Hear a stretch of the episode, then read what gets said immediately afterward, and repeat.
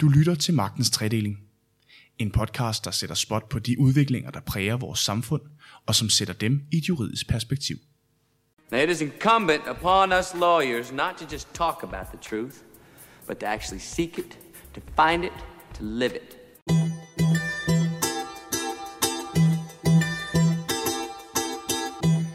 Det er alt for bøvlet at være advokat for et lille advokathus på grund af byråkrati og alt for mange ligegyldige regler. I hvert fald hvis man spørger Malene Hannibal. Før påske der kunne man i en kronik i Berlingske læse, hvordan hun som lille selvstændig advokat bruger unødigt mange ressourcer på regler og byråkrati. Ressourcer, der ifølge hende burde bruges på klienterne. Men er der virkelig så mange regler for små erhvervsdrivende i Danmark, at det næsten kvæler arbejdsglæden og udbyttet? Er reglerne ikke netop skabt for at beskytte virksomheder og kunder? Og hvad er det egentlig for regler, der er tale om? Jeg hedder Rasmus Lehmann Hylleberg, og i denne uge der skal vi kigge på, om de danske regler for erhvervsdrivende og i særdeleshed advokater risikerer at ødelægge virksomhedernes udbytte. Velkommen til Magtens Tredeling.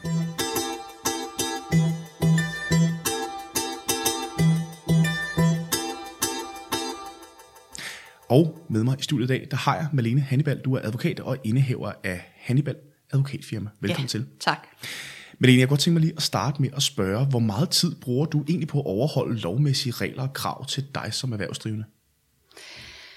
Uh, man kan ikke sige noget på daglig basis. Altså det kommer øh, i klumper som regel. Ikke? Altså vi har en GDPR-lovgivning, altså beskyttelse af persondata, og øh, det tager måske et par uger at sætte sig ind i reglerne, finde ud af, hvordan man skal håndtere dem i praksis for at implementere de nødvendige procedurer. Så kommer der måske en ny regel om, at man altid skal indberette til skat, også selvom man ikke udbetaler løn til en medarbejder, der er på ferie. Øhm, og det tager et par timer at finde ud af øh, dels, hvordan reglen hænger sammen, og hvordan den spiller sammen med de enkelte IT-systemer.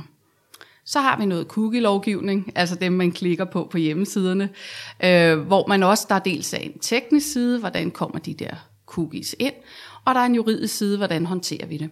Så det er hver gang, der kommer ny regulering, så er der x antal timer forbundet med det.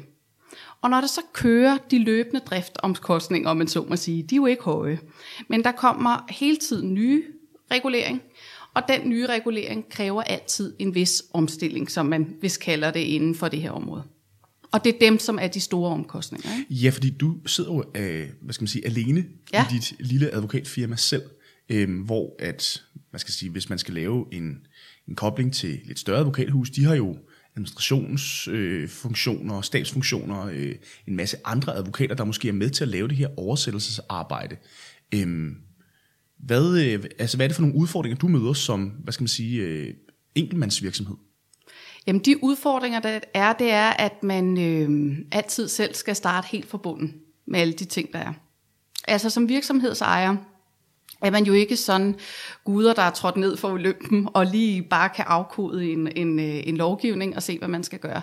Man skal forestille sig, at det det er lidt ligesom, hvis man fik at vide, at man skulle have et nyt skab, og man så skulle finde ud af, hvor man selv skulle samle det fra, om det er IKEA eller HTH, eller hvad de alle sammen hedder.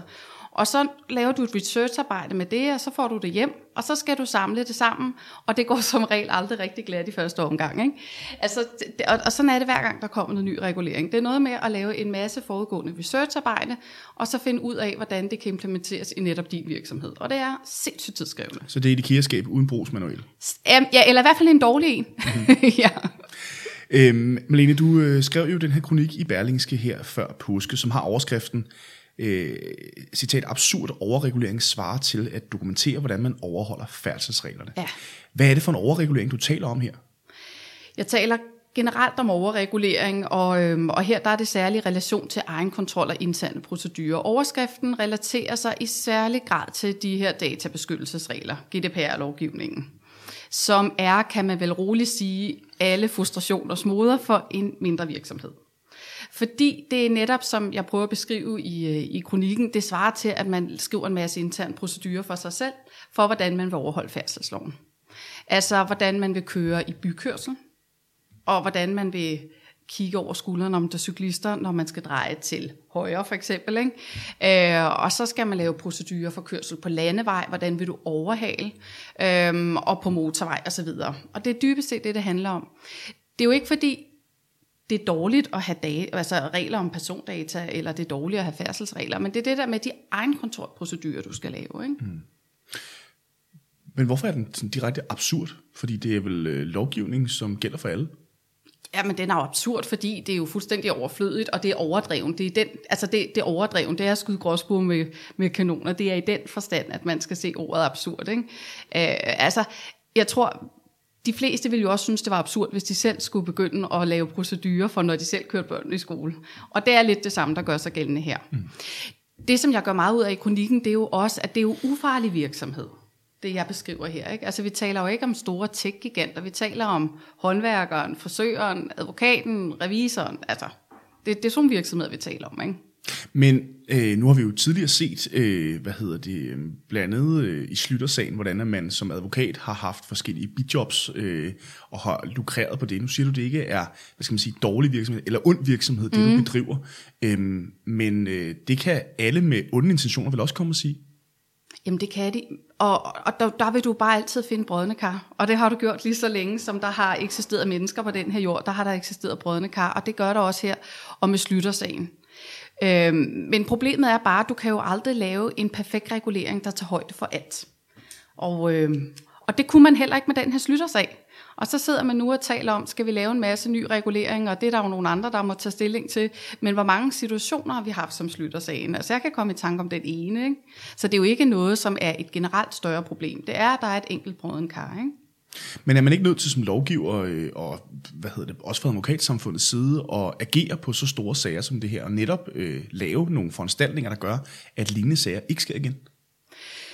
Jo, det bliver du nødt til. Om ikke andet bliver du nødt til det, for ellers så kommer der en folkestemning af, at man bare står og lader stå til. Så et eller andet bliver man nødt til at foretage sig. Og, og tricket er jo så der og øh, gå ned og så lave indgrebet så lille som muligt, og egentlig gå ind og se på, hvad er egentlig, hvad er egentlig problemet. Ikke? Altså, fordi jeg tror, at, at sådan en, nu skal jeg jo ikke kunne udtale mig nærmere om Slyttersagen, men jeg tror bare generelt, at hvis der ikke havde været et hul her, så havde der nok været et hul et andet sted. Så der var jo kommet formentlig en eller anden, og nu gætter jeg bare, en eller anden form for kriminalitet, uanset hvor det var henne. Ikke? Du skriver blandt andet i kronikken, at, citat, at der kan opnås et slags reguleringsmæssigt nirvana, hvor der hverken er huller eller uhensigtsmæssigheder i lovgivningen. Citat slut. Helt konkret, hvad er det for en specifik lovgivning, du her beskriver? Jeg taler om lovgivning fuldstændig generelt. Jeg taler om, at øh, jeg kan huske de første dage på jurastudiet, der havde vi netop om, kunne man ikke lave den perfekte regulering.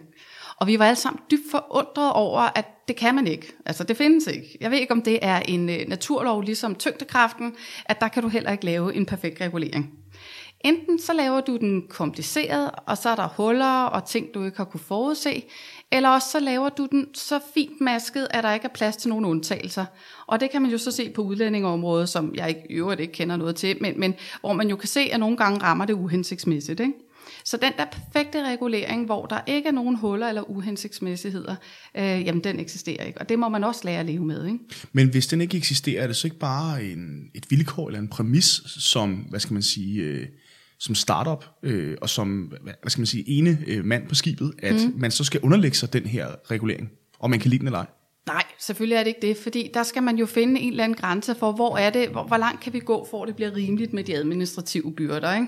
Det er klart, hvis der er tale om noget farlig virksomhed, det kan være forurenende virksomhed, det kan være banker og hvidvask, det kan være mange ting, så er det, skal det jo ikke være fri lejer, hvor man bare kan gøre, hvad der passer ind.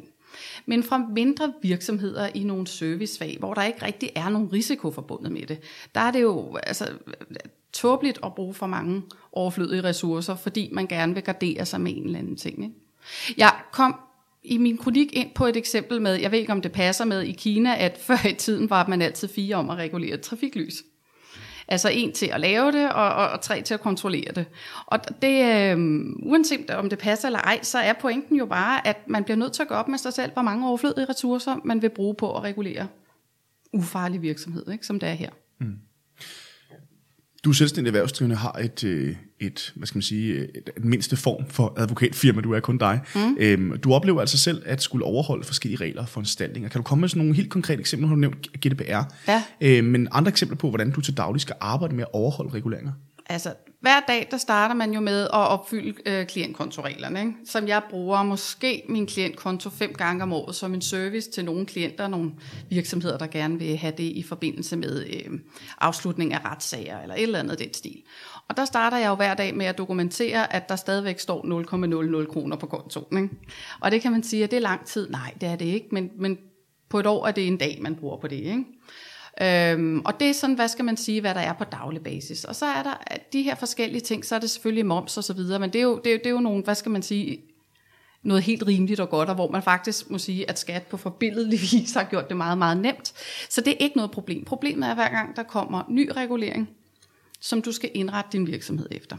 Og det er særligt de store klumper, som nye, jeg havde en medarbejder, men altså nogle nye regler for det. Man skal også lave en arbejdspladsvurdering, bare man har en enkelt deltidsansat medarbejder osv. Det er sådan nogle ting, der tager tid, ikke?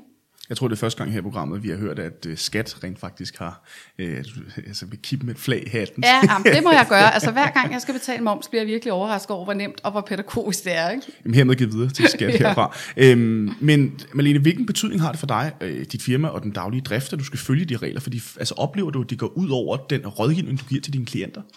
Det går ikke ud over rådgivningen til klienter. Det, der går ud over, det er selvfølgelig de markedsføringsmæssige tiltag, man ellers vil lave. Altså, at man bruger tid på at sætte sig ind i ny regulering og udleve den. Altså igen, det er jo ikke så svært at udføre den, men det er det der med at sætte sig ind i den og finde ud af, hvordan den passer ind i virksomheden. Og selvfølgelig betyder det noget, at hvis man i, øh, i lang tid, i lange perioder, sidder og øh, skal lave nye procedurer for et eller andet GDPR og cookie-meddelelser osv., at så får man ikke altså man får jo ikke øh, udviklet virksomheden, vel? Altså man får lavet det, man lige akkurat bliver nødt til, men resten af tiden går jo så med administration. Mm.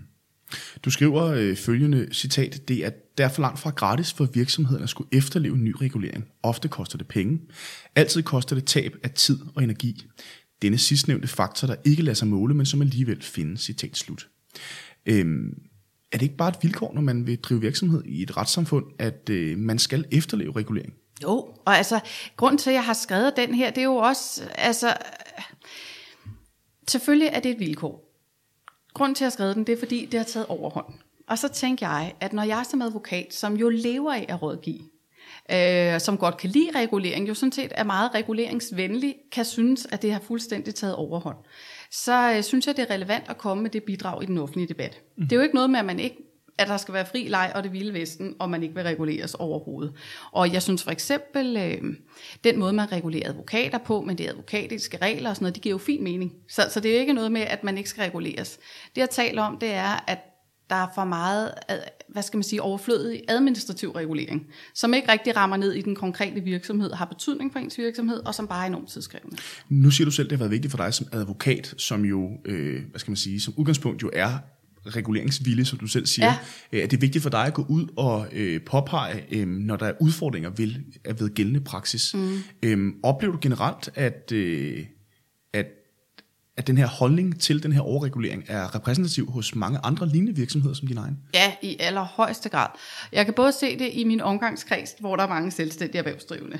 Øhm, hvor inden jeg begyndte som, altså hvor, inden jeg sprang ud som selvstændig, hvor, de, hvor jeg fortalte om, gud, hvor blev det også spændende at se samfundet fra den vinkel, og de sad og kiggede på mig og tænkte, hvad, hvad snakker du om? Øhm, fordi at der kan jeg se det. Jeg kan også se det på de tilkendegivelser, jeg har fået på min kronik, og øh, jeg kan jo se det, når jeg også har ringet til for eksempel Team Effektiv Regulering i øh, Erhvervsstyrelsen, øh, som jo også siger, at, at det er jo noget, de hører fra mange virksomheder. Så det er et generelt problem. Og fordi det er et generelt problem, så har de jo også nedsat Team Effektiv Regulering til at gøre noget ved det. De gør bare ikke nok ved det, er min holdning. Nej, fordi vi hører tit fra lovgivers side, at øh, de, de vil gøre op med byråkrati, mm. gøre op med de her, øh, den her overregulering. Ja. Øhm, oplever du, at der sker noget på det område her?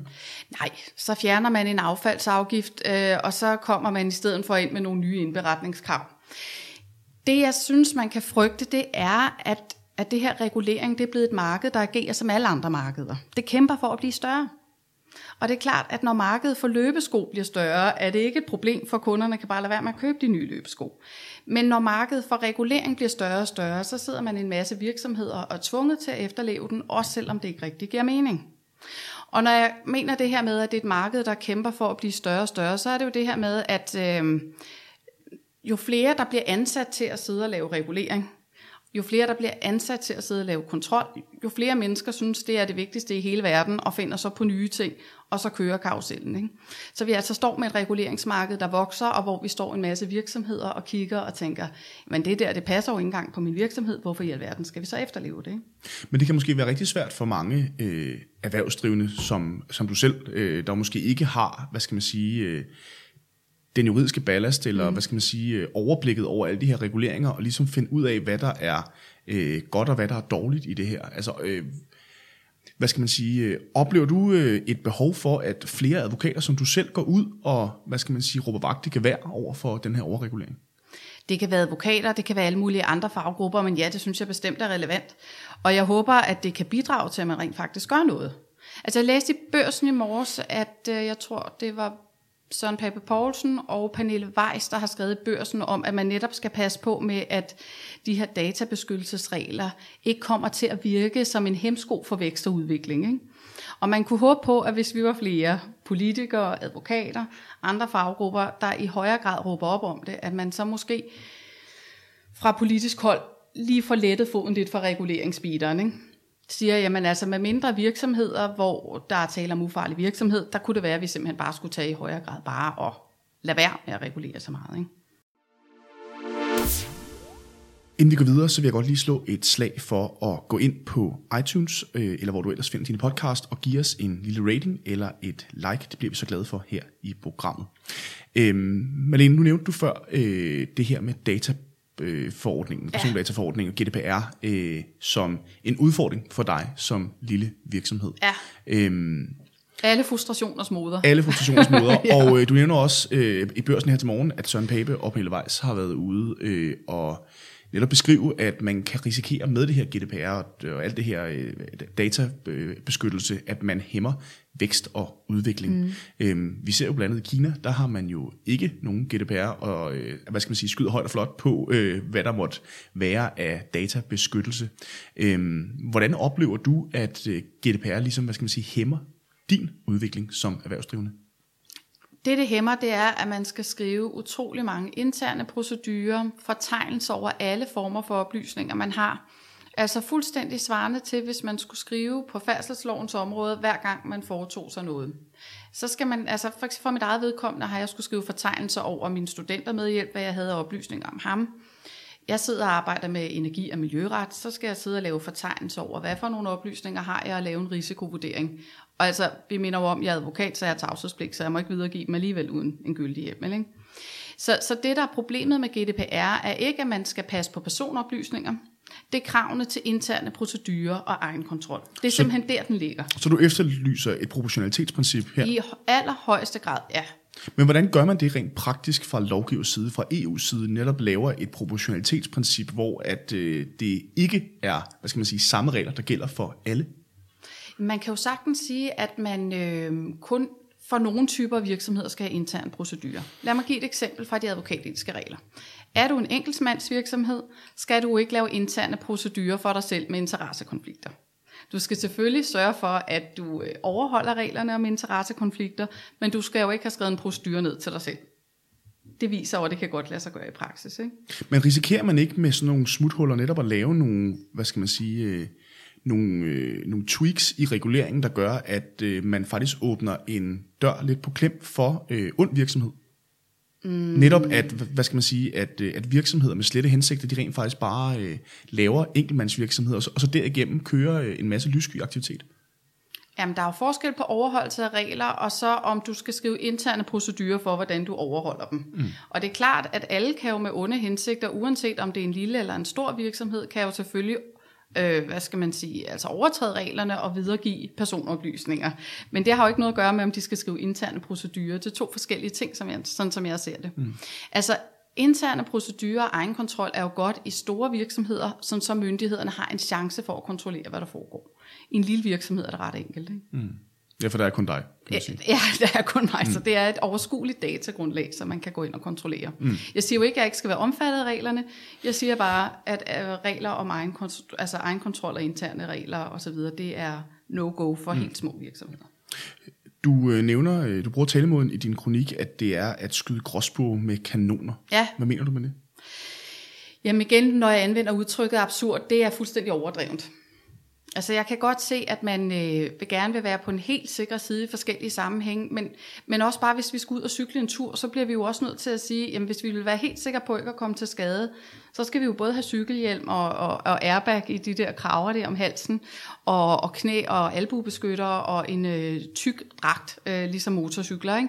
Men på et tidspunkt siger vi, jamen det kan det ikke bære, når vi bare skal ud og cykle en tur. Så, så nu nøjes vi måske med cykelhjelmen eller slet ikke. ikke? Mm. Det er jo samme mekanisme her. Altså hvis du vil være på den sikre side med alt, så kan du ikke lave andet end hele tiden og helgardere dig på alle områder. Ikke? Nej. Øh, hvordan, altså jeg tænker bare, at det her er jo et direktiv, der er kommet fra EU. Ja. Øhm, og øh, det er vel svært at gå ind og pege på, at hvad skal man sige, øh, din virksomhedskonstruktion øh, skal fritages for noget, ligesom, hvad skal man sige, øh, andre virksomhedsformer skal øh, overholde det hele. Altså, man kan vel ikke lave særregler på den her måde, kan man det? Jeg tror, hvis vi ser på GDPR, så, så er det jo, at, at øh, det, som er dybest set er problemet, det er jo ikke, at min virksomhed skal undtages. Det er, at du har en hel masse virksomheder, som bruger forfærdelig mange ressourcer på at opfylde den her forordning. Jeg tror, man regner sig frem til, at der blev brugt 8 milliarder sidste år. Altså 8 milliarder for at virksomhederne skulle implementere den her forordning. Og til sammenligning, der taler vi jo meget om nu, om man skal have en særlig ordning for nedslidte til 3 milliarder. Det er bare for at sætte proportionerne i det, ikke? Og hvis mange af oplysningerne er sådan noget med, at tømmermester Hansen og, og frisør Jensen har et, øh, et øh, navn og telefonnummer, så kan man spørge, altså hvor relevant er det så at bruge så mange penge på den her regulering? Ikke? Mm. Og samtidig har vi jo så nogle tech-giganter, som laver ansigtsgenkendelse, som laver stemmegenkendelse på Siri, som alle børnene sidder med i skolen. Og, og øhm, så, så det jeg siger, det er bare at tage fat om Nellens rod i stedet for. Ikke? Altså tage og regulere der, hvor det virkelig betyder noget, og så tage og sige, i andre sammenhænge, det kan godt være, at vi regulerer, men at vi slækker på kravene til egen kontrol. Fordi det ikke er relevant. Ikke?